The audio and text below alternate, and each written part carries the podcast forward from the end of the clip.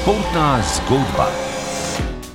Dobri trije tedni nas ločijo od začetka svetovnega prvenstva v nordijskem smučanju. Planica bo gostila največje zimsko tekmovanje pri nas. Zadnji dve z nordijskimi disciplinami v Pekingu in Oberstdorfu sta bili za slovence rekordni. Kako kaže slovenskim športnikom pred domačim vrhuncem njihovih karier, pa v jutranji športni zgodbi ugotavlja Boštjan Rebršak.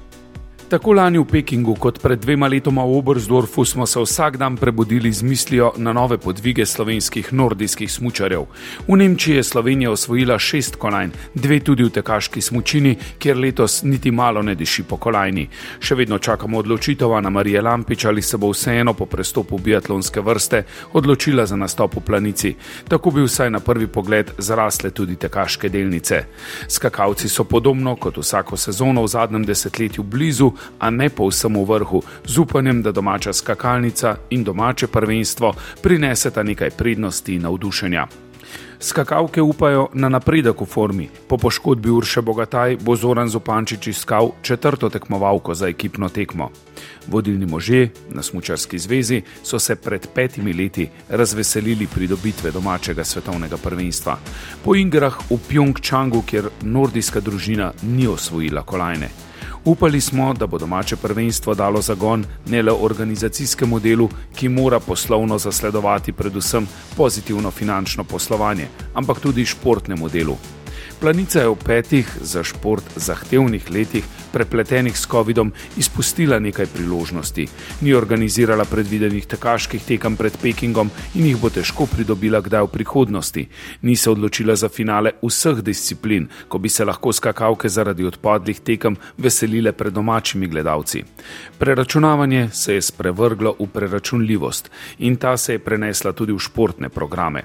Slovenija je imela leta 2018 svetovnega mladinskega mladinskega prvaka v nordijski kombinaciji, vida vrhovnika, v Marjanu Jelenku pa izkušenega posameznika željnega dokazovanja.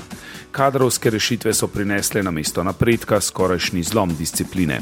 Ob ne najboljši tekaški sezoni je točke pred petimi leti osvojilo pet smučarskih tekačic, letos le dve. Sestavljanje štafete, ki je pred leti bolj težila k prvi peterici kot deseterici, se zdi znanstvena fantastika. Sistematično in načrtno delo je obrodilo sadove le v skakalnih reprezentancah. Po videnem v Oberstdorfu in Pekingu, morda vsaj v ženski konkurenci, kakšno leto prehitro. Preprosta statistika pove, da so bile skakalke na manj kot polovici letošnjih tekem za svetovni pokal na zmagovalnem modru, skakalci na dobri polovici. Če rezultate združimo, ima slovenska nordijska reprezentanca s popotnico letošnje sezone 50 odstotkov možnosti za kolajno le na vsaki tekmi na skakalnicah. Ker bo skupno na sporedu sedem tekem, se verjetnostni račun v slovenskem uspehu na domačem prvenstvu malce zviša.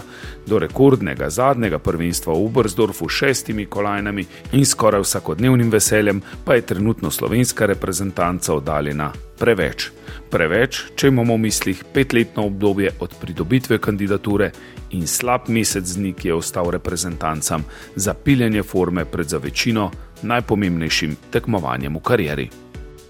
Planica v teh dneh dobiva podobo svetovnega prvenstva, tudi Val 202 bo seveda del tega spektakla. Pravi spektakel pa se pripravlja v Melbournu, ob pol desetih se začne moški finale, Srb Novak Djokovic lovi deseto zmago v Avstraliji, 22. za Grand Slam, pa tudi ponovno številko ena na teniški lestvici, da pokaže, da je še vedno šef.